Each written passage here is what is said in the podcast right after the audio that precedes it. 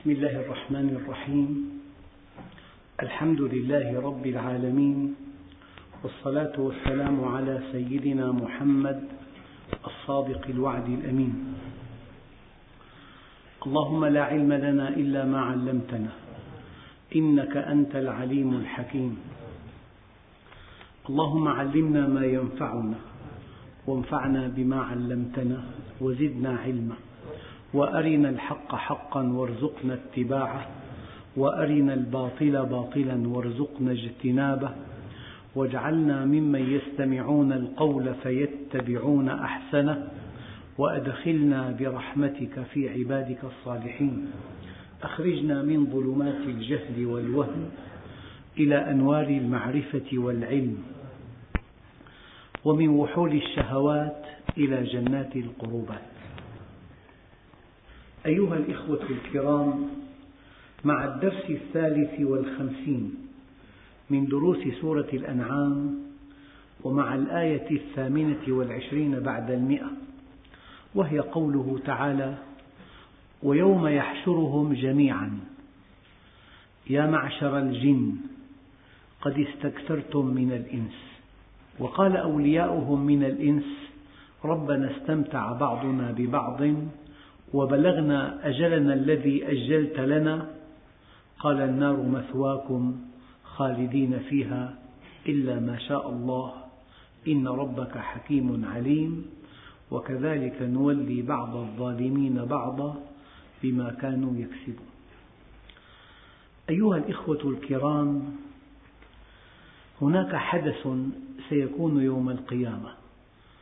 تشير إليه كلمة ويوم يعني في هذا اليوم في يوم الدينونة في يوم تسوية الحسابات في يوم الجزاء في يوم الحساب ويوم يحشرهم أي يجمعهم. هؤلاء الناس الذين بغوا وطغوا وظلموا واستعلوا واستكبروا وأخذوا ما ليس لهم وبنوا مجدهم على أنقاض الآخرين وبنوا ثروتهم على إفقار الآخرين وبنوا وجودهم على إزهاق أرواح الآخرين. هؤلاء حسابهم عسير. ولا تحسبن الله غافلا عما يعمل الظالمون. إنما يؤخرهم ليوم تشخص فيه الأبصار. لا يغرنك تقلب الذين كفروا في البلاد متاع قليل. ثم مأواهم جهنم وبئس المهاد.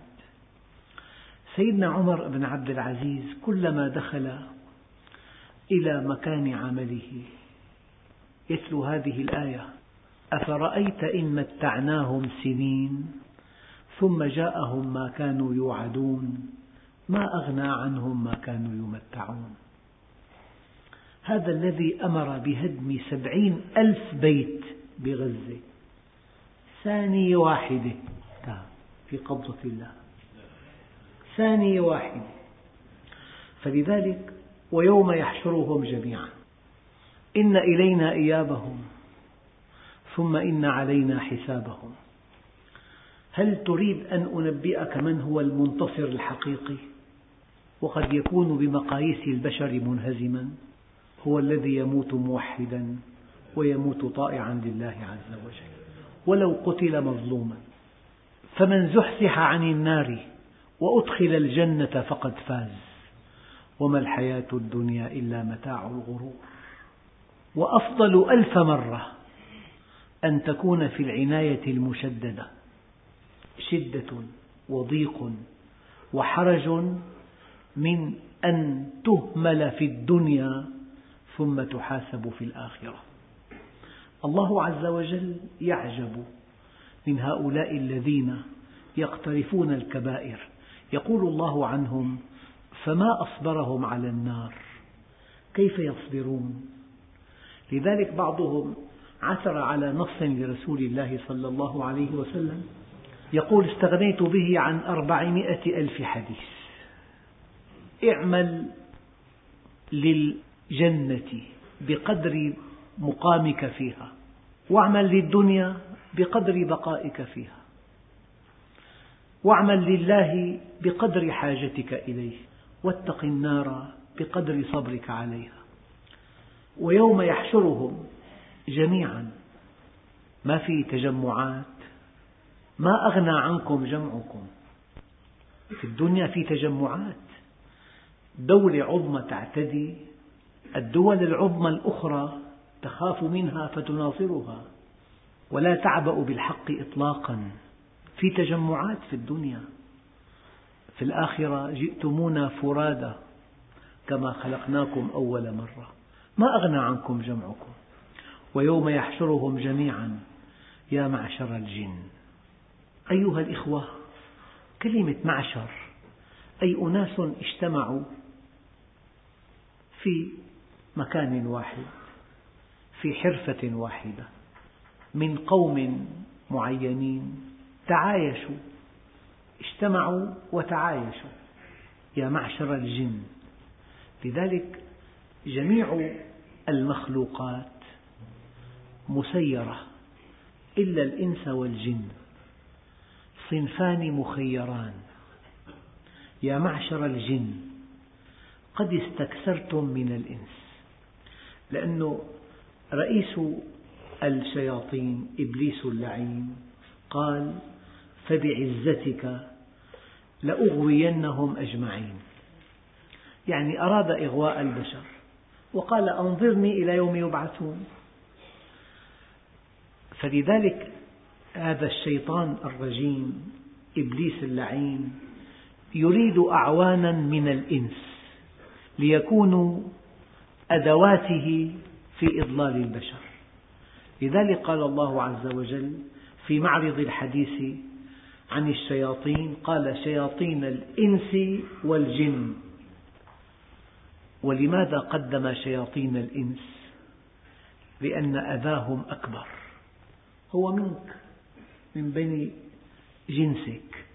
إنسان يحدثك تحدثه يقنعك تقنعه. شيطان الإنس أخطر من شيطان الجن. فالشيطان يحتاج إلى معاونين من الإنس. وكلما كثر المعاونون ازدادت قوة الشيطان وهيمنته. لكن بالمناسبة أيها الإخوة لا بد من التوضيح.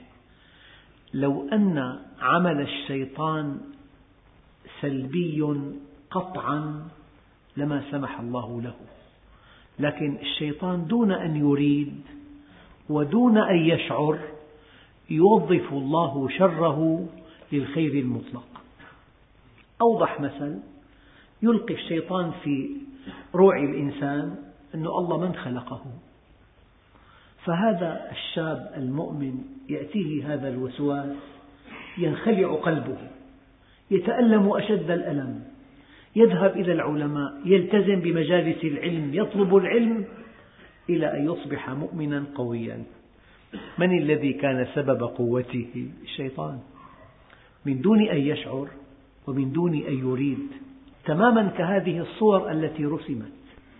ماذا فعلت؟ نبهتنا إلى محبتنا لهذا النبي الكريم. أيقظت فينا محبته. أيقظت فينا الانتماء إليه. رجعنا إلى السيرة. والله الذي لا إله إلا هو ولا أبالغ. سوف يدخل في دين الله مئات الألوف بل الملايين في المستقبل بسبب هذه الصور. دائما وأبدا كل شيء وقع أراده الله بمعنى سمح به. وكل شيء أراده الله وقع وإرادة الله متعلقة بالحكمة المطلقة وحكمته المطلقة متعلقة بالخير المطلق. ولكل واقع حكمة وقد يكون الموقع مجرما. لكن ما دام الذي وقع قد وقع فهناك حكمة لا يعلمها إلا الله. فالشيطان يريد أن يضل الإنسان. لكن في أحيان كثيرة يريد أن يضله فيهتدي. يريد أن يضله فيلجئه إلى مجالس العلم. يريد أن يضله فيحمله على التوبة من دون أن يشعر ومن دون أن يريد. لذلك يا معشر الجن قد استكثرتم من الإنس. طبعا هناك من الجن من هو مؤمن. الحديث اليوم لا عن الجن المؤمنين بل عن الجن الكافرين. يا معشر الجن قد استكثرتم من الإنس. بشكل عام الاستكثار مجاوزة الحد.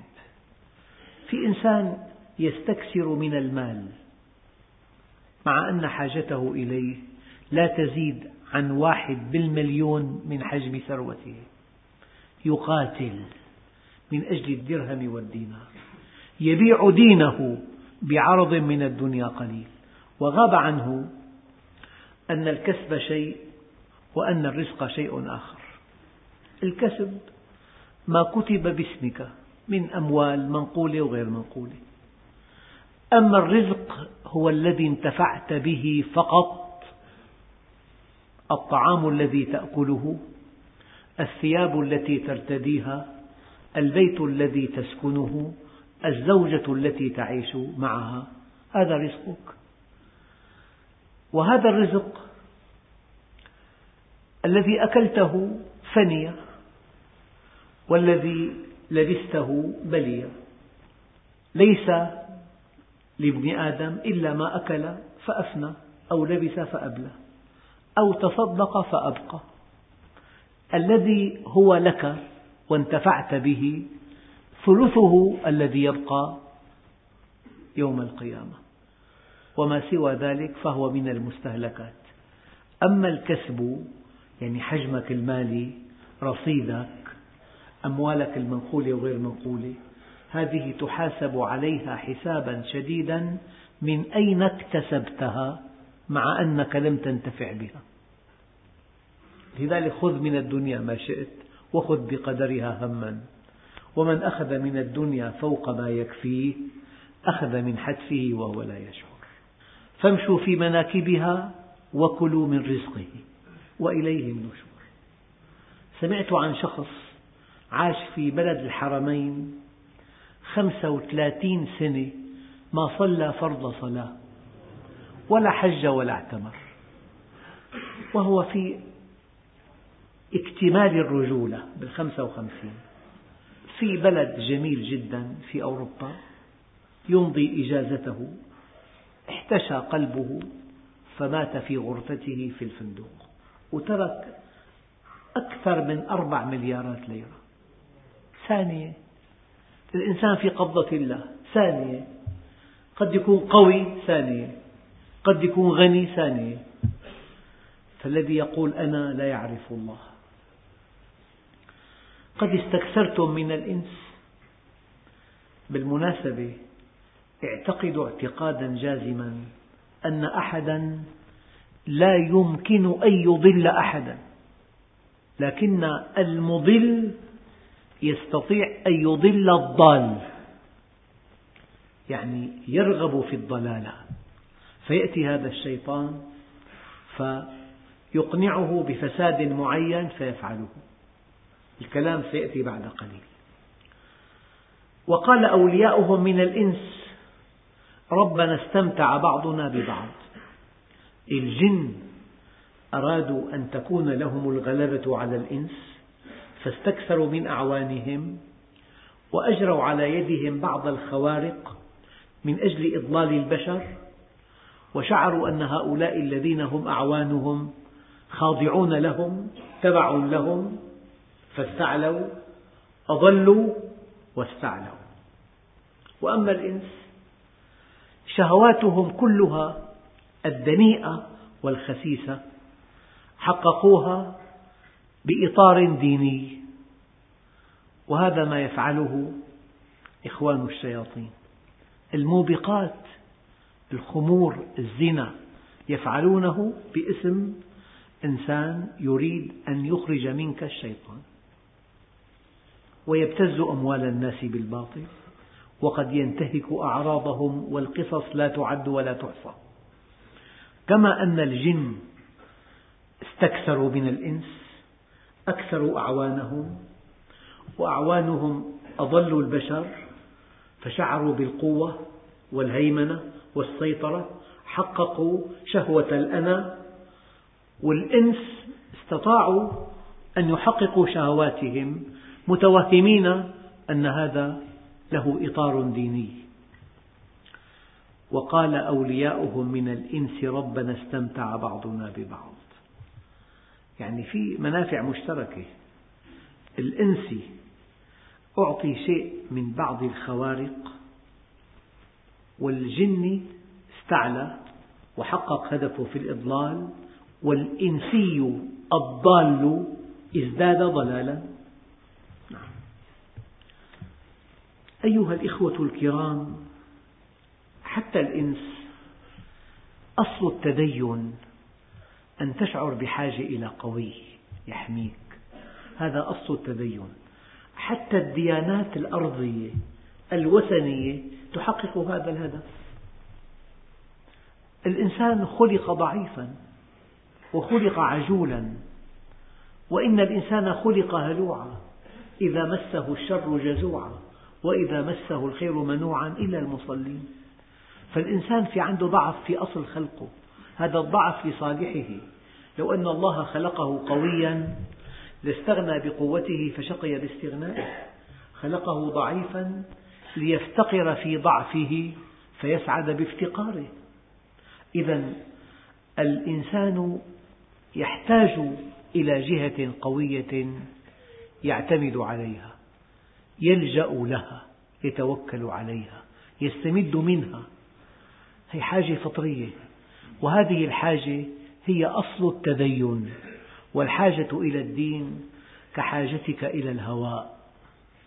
لكن بين المسلم وبين غير المسلم أن المسلم وصل إلى الإله الحقيقي إلى الخالق الحقيقي إلى المسير إلى الرب.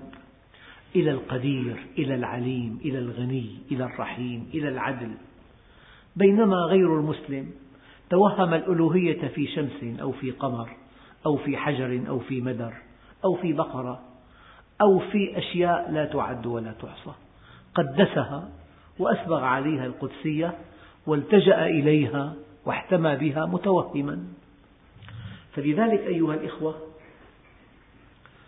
حتى الإنس حينما يستعين بالجن يشعر بأنه مع قوي لأن الجن عنده إمكانات لا يملكها الإنسان.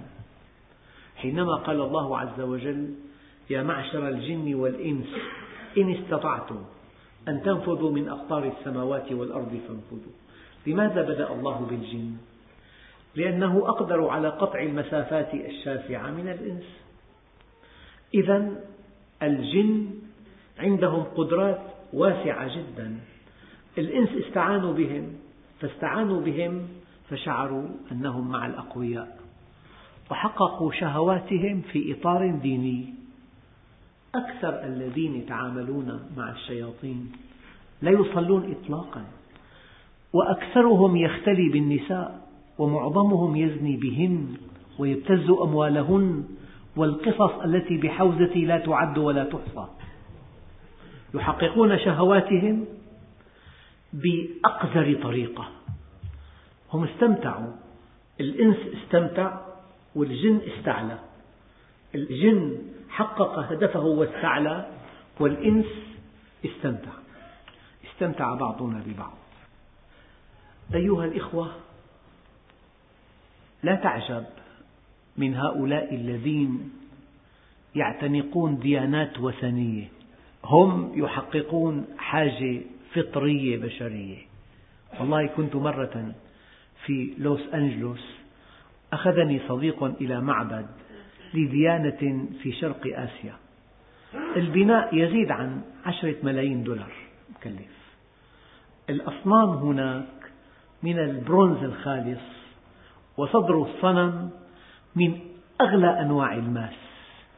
البرلنت. ورأيت أناسا يسجدون أمام الأصنام منبطحين على بطونهم ويحملون أعلى الشهادات. الإنسان ضعيف لكن أيها الإخوة الإنسان حينما يقع في ضيق شديد ينسى الشياطين ويذكر الله عز وجل. وإذا مس الإنسان الضر دعانا بجنبه أو قاعدا أو قائما.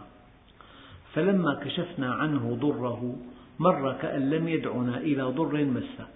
كذلك زين للمسرفين ما كانوا يعملون. يعني هؤلاء الذين يعبدون من دون الله آلهة. عند الشدة الشديدة ينسى هذه الآلهة ويلجأ إلى الله. وصدقوا أن طائرة كانت تقل خبراء من بلد ملحد قديما. تهاوى من الداخل. دخلت الطائرة في سحابة مكهربة وكانت على وشك السقوط. فما كان من هؤلاء الخبراء الملحدين إلا قالوا يا الله. والله ربنا ما كنا بك مشركين. قال انظر كيف كذبوا على أنفسهم. الإنسان في الدنيا يكذب على نفسه. يتوهم شيئا غير صحيح. لذلك وإذا مس الإنسان الضر دعانا بجنبه أو قاعدا أو قائما. فلما كشفنا عنه ضره مر كأن لم يدعنا إلى ضر مسه. كذلك زين للمسرفين ما كانوا يعملون. شيء آخر. ذنب لا يغفر هو الشرك. وذنب لا يترك ما كان بينك وبين العباد وذنب يغفر ما كان بينك وبين الله. لذلك قال تعالى إن الله لا يغفر أن يشرك به ويغفر ما دون ذلك لمن يشاء ومن يشرك بالله فقد افترى إثما عظيما. يعني في علاقة سبب بنتيجة أنك إذا أشركت لا سمح الله ولا قدر هذا الشرك يحملك على إثم كبير. الآية وقال أولياؤهم من الإنس ربنا استمتع بعضنا ببعض وبلغنا أجلنا الذي أجلت. يعني الإنسان يعيش عمر يحقق فيه هدفه. أولم نعمركم ما يتذكر فيه من تذكر؟ وجاءكم النذير. وبلغنا أجلنا الذي أجلت. قال النار مثواكم خالدين فيها. يعني ما في إنسان بريء والشيطان أضله. حقيقة. ما في إنسان بريء كليا والشيطان نقله إلى الكفر. هو كافر كفرا مبطنا. فجاء الشيطان وحرك كفره بالضبط. طالب بمدرسة بصف في خمسين طالب. لا يستطيع هذا الطالب الفاسد إلا إفساد طالب يريد الفساد. لكن الذي لا يريد الفساد ممتنع عنه. إن عبادي ليس لك عليهم سلطان. إنما استزلهم الشيطان ببعض ما كسبوا. الإنسان حينما يعصي الله يضعف مركزه عند الله يستذله الشيطان. فقال النار مسواكم خالدين فيها. أما إلا ما شاء الله قضية خلافية تحتاج إلى شرح.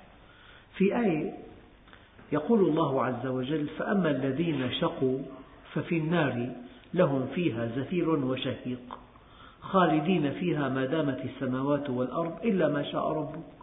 إن ربك فعال لما يريد. لذلك العلماء قالوا وعيد الله يقع أو لا يقع؟ يعني الله عز وجل يضع إنسان في النار. ملايين السنين ثم لحكمة بالغة بالغة يخرجه منها. ورد في بعض الأحاديث أن الإنسان يخرج من النار إذا كان في قلبه مثقال ذرة من خير ولا يخلد في النار إلا من شرد عن الله شرود البعير. أما القسم الثاني وأما الذين سعدوا ففي الجنة. خالدين فيها ما دامت السماوات والأرض إلا إلا ما شاء ربك. بآيات كثيرة وما هم منها بمخرجين. فماذا تعني هذه الآية؟ مع أهل النار قضية سهلة. وعيد الله يحقق أو يعفو ولحكمة بالغة. لكن الجنة هذا وعد غير الوعيد. الوعد محقق قطعا. فكيف لا يحقق؟ هذا الكلام فيه إشارة إلى طلاقة الإرادة الإلهية. كيف؟ أنت وجدت بيت أعجبك البيت وثمنه خمسة ملايين والثمن غالي. وصاحب البيت قبض الثمن بالتمام والكمال عدا ونقدا. وقع لك عقد له فضل عليك. أبدا. أخذ حقه كاملا. وما باع البيت إلا بعد أن أيقن أن ثمنه خير منه. في عندنا قانون بالبيع والشراء. ما في إنسان بيبيع حاجة إلا عنده شعور أنه ثمنها أغلى منها. وما في إنسان بيشتري حاجة إلا بإحساس أنها أثمن من ثمنها.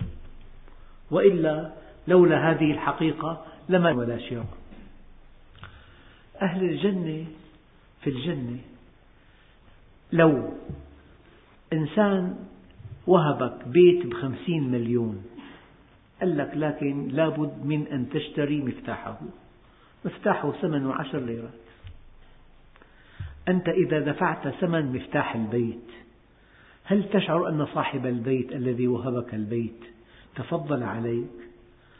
أنت حينما اشتريت البيت بقيمته بالتمام والكمال عدا ونقدا لا تشعر لثانية أن الذي باعك البيت له فضل عليك قبض ثمنه بالتمام والكمال أما حينما يهبك الله الجنة بأعمال محدودة أعانك الله عليها في الدنيا والجنة إلى أبد الآبدين.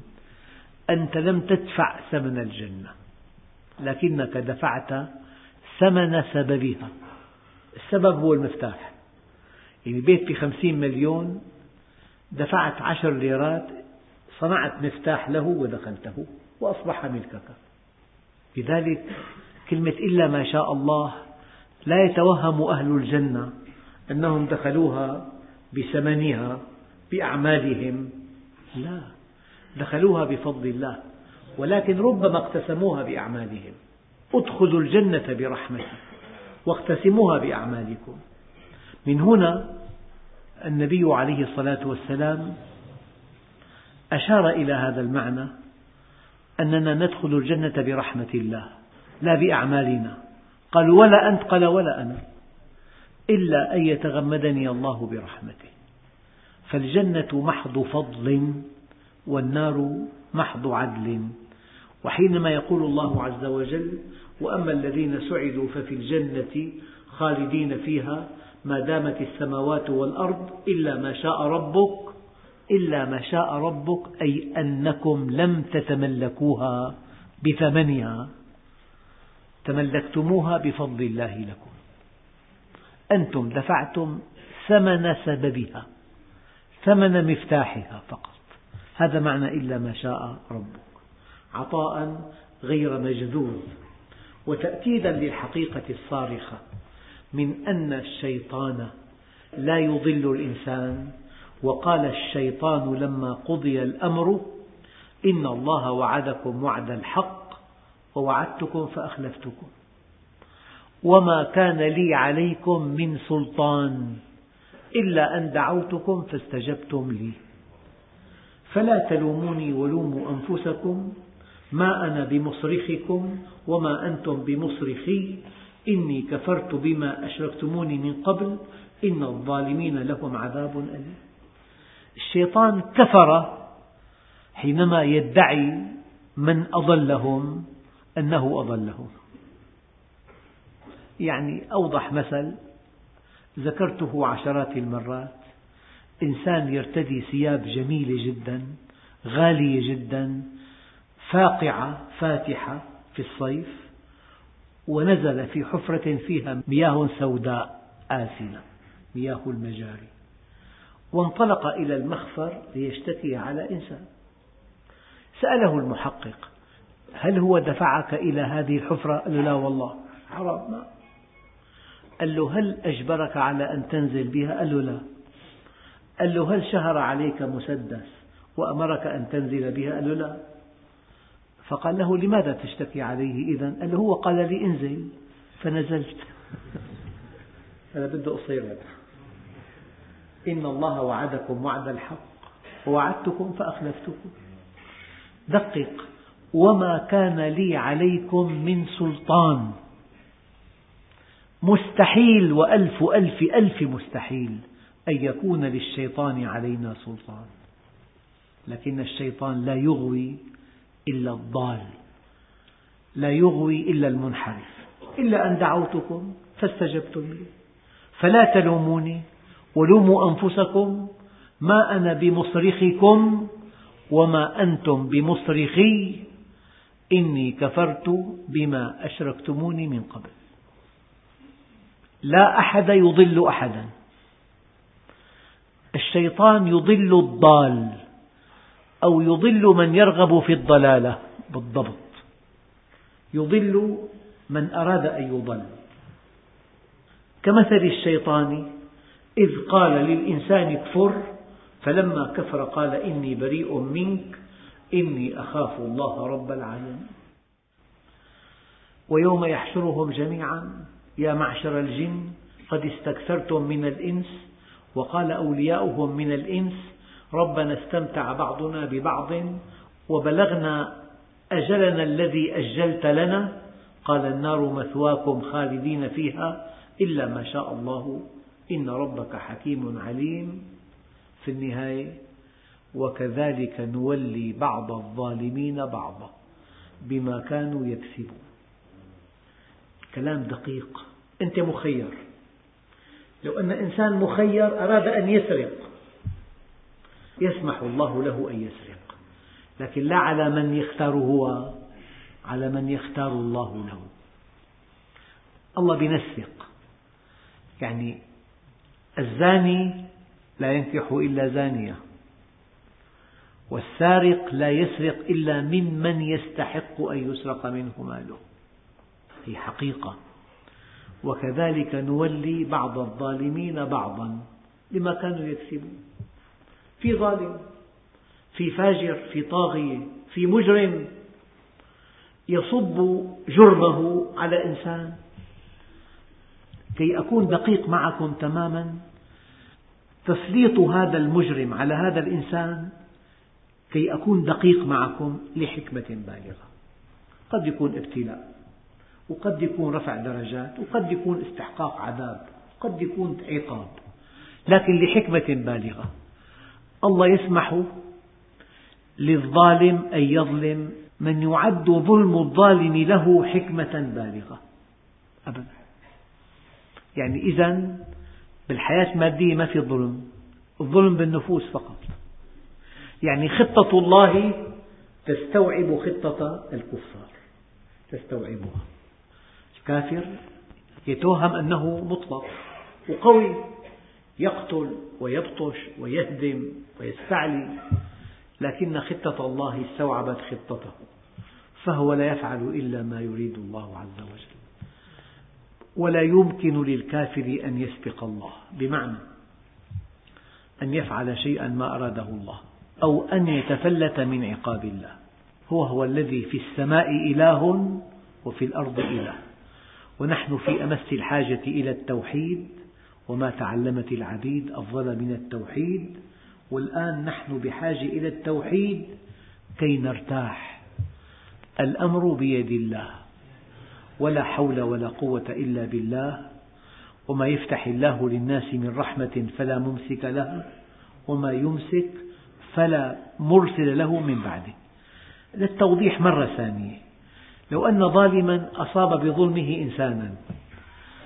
لا ينبغي أن نقول هو يستحق لا. قل تسليط هذا الظالم على هذا الإنسان لحكمة بالغة. لحكمة أوسع من يستحق لحكمة بالغة. قد يكون استحقاقا وقد يكون رفع درجات وقد يكون ابتلاء لكن في حكمة. يعني الله عز وجل قال من ذا الذي يشفع عنده إلا بإذنه؟ عنده في ملكه. يعني معنى الآية دقيق جدا. لا يمكن لشيء في الكون أن يمس شيئا في الكون إلا بإذن الله. أوسع آية. من ذا الذي يشفع عنده في ملكه إلا بإذنه؟ يعني النار لا تحرق إلا إذا أذن الله والأفعى لا تلدغ. والقنبلة لا تنفجر والصاروخ لا يصيب إلا أن يأذن الله. الله لا إله إلا هو الحي القيوم. لا تأخذه سنة ولا نوم. له ما في السماوات وما في الأرض. من ذا الذي يشفع عنده إلا بإذنه؟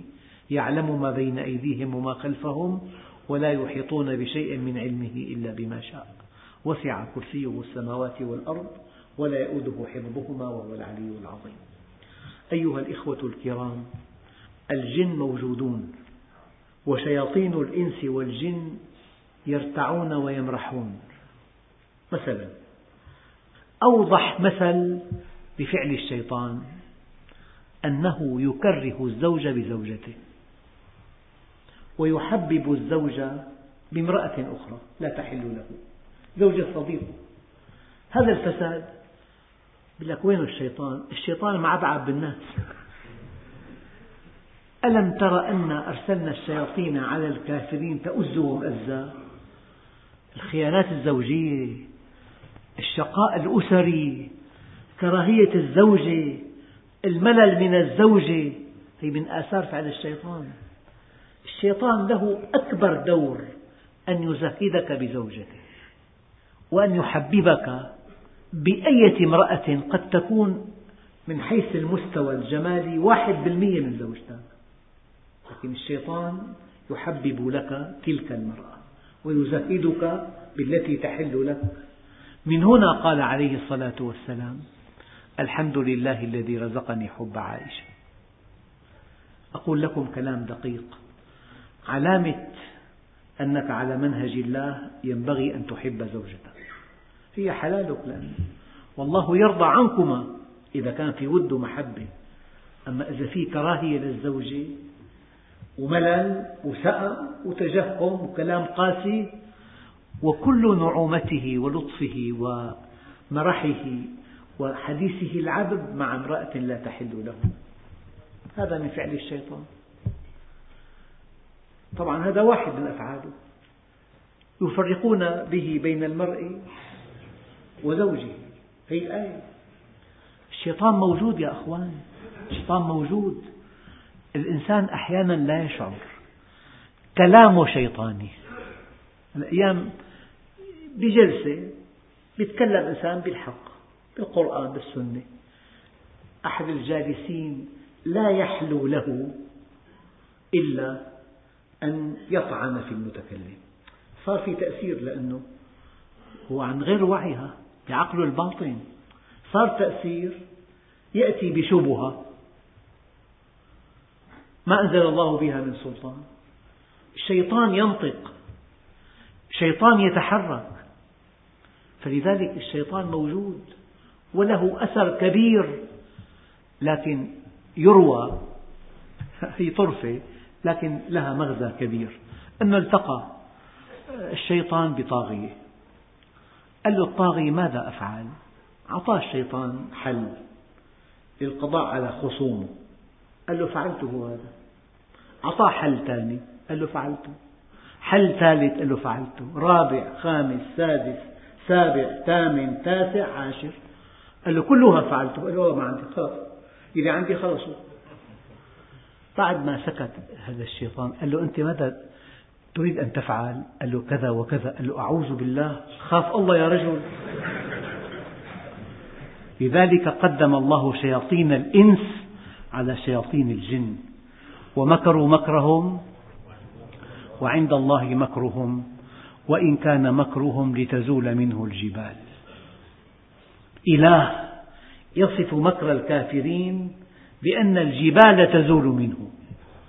طبعا من سابع المستحيلات. نحرك جبل قاسيون لدرعا. الله عز وجل وصف كيد الكفار وإن كان مكرهم لتزول منه الجبال.